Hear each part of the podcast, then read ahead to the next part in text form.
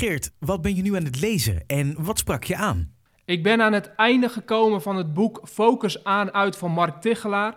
Dit deel gaat over de verdieping en hierin heeft hij het onder andere over de Engelse term opportunity cost. Oftewel de prijs van veel mogelijkheden hebben. En hierover schrijft hij het volgende. Ideeën en enthousiasme zijn er genoeg. Maar elk project dat we starten gaat ten koste van wat anders. Bijvoorbeeld tijd of geld of aandacht die we niet aan iets anders kunnen besteden. Opportunity cost wordt dat ook wel genoemd. Zoals productiviteitsgoeroe Tim Ferriss terecht zegt: wat je doet is belangrijker dan hoe je het doet. De focus op één topprioriteit is iets wat alle snelgroeiende bedrijven met elkaar gemeen hebben. Waarom sprak juist dit jou zo aan? Ik ben blij met deze toevoeging in het boek, want deze verdieping is ontzettend belangrijk om te maken, omdat in het grootste deel van het boek ligt de focus op focus op microniveau. Dus juist op hoe je je dag kunt indelen en hoe je ervoor kunt zorgen dat je veel gedaan krijgt. Maar dit stuk gaat meer over focus op macroniveau. Dat betekent dat de keuzes die je maakt voor bijvoorbeeld de projecten waar je aan werkt, dat dat ontzettend belangrijk is. Dat dat op macroniveau er al voor kan zorgen dat je wel of geen focus kunt hebben. Hoe zie je dit in de praktijk?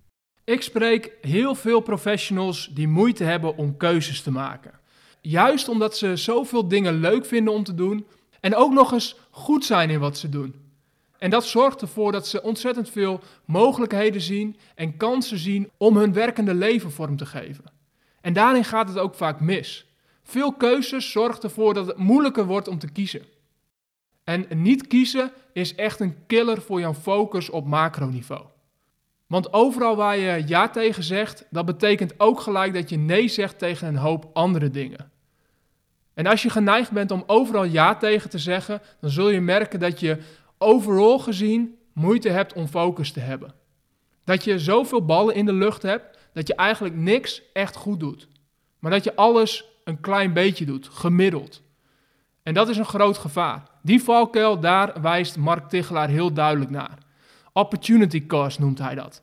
Dus hoe meer mogelijkheden, hoe moeilijker het is om te kiezen en hoe hoger de prijs die je uiteindelijk betaalt.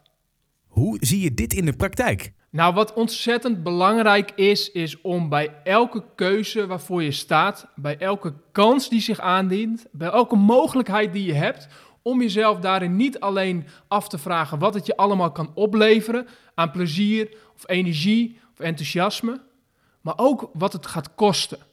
Dus stel dat je je tijd en aandacht in dat nieuwe ding gaat steken.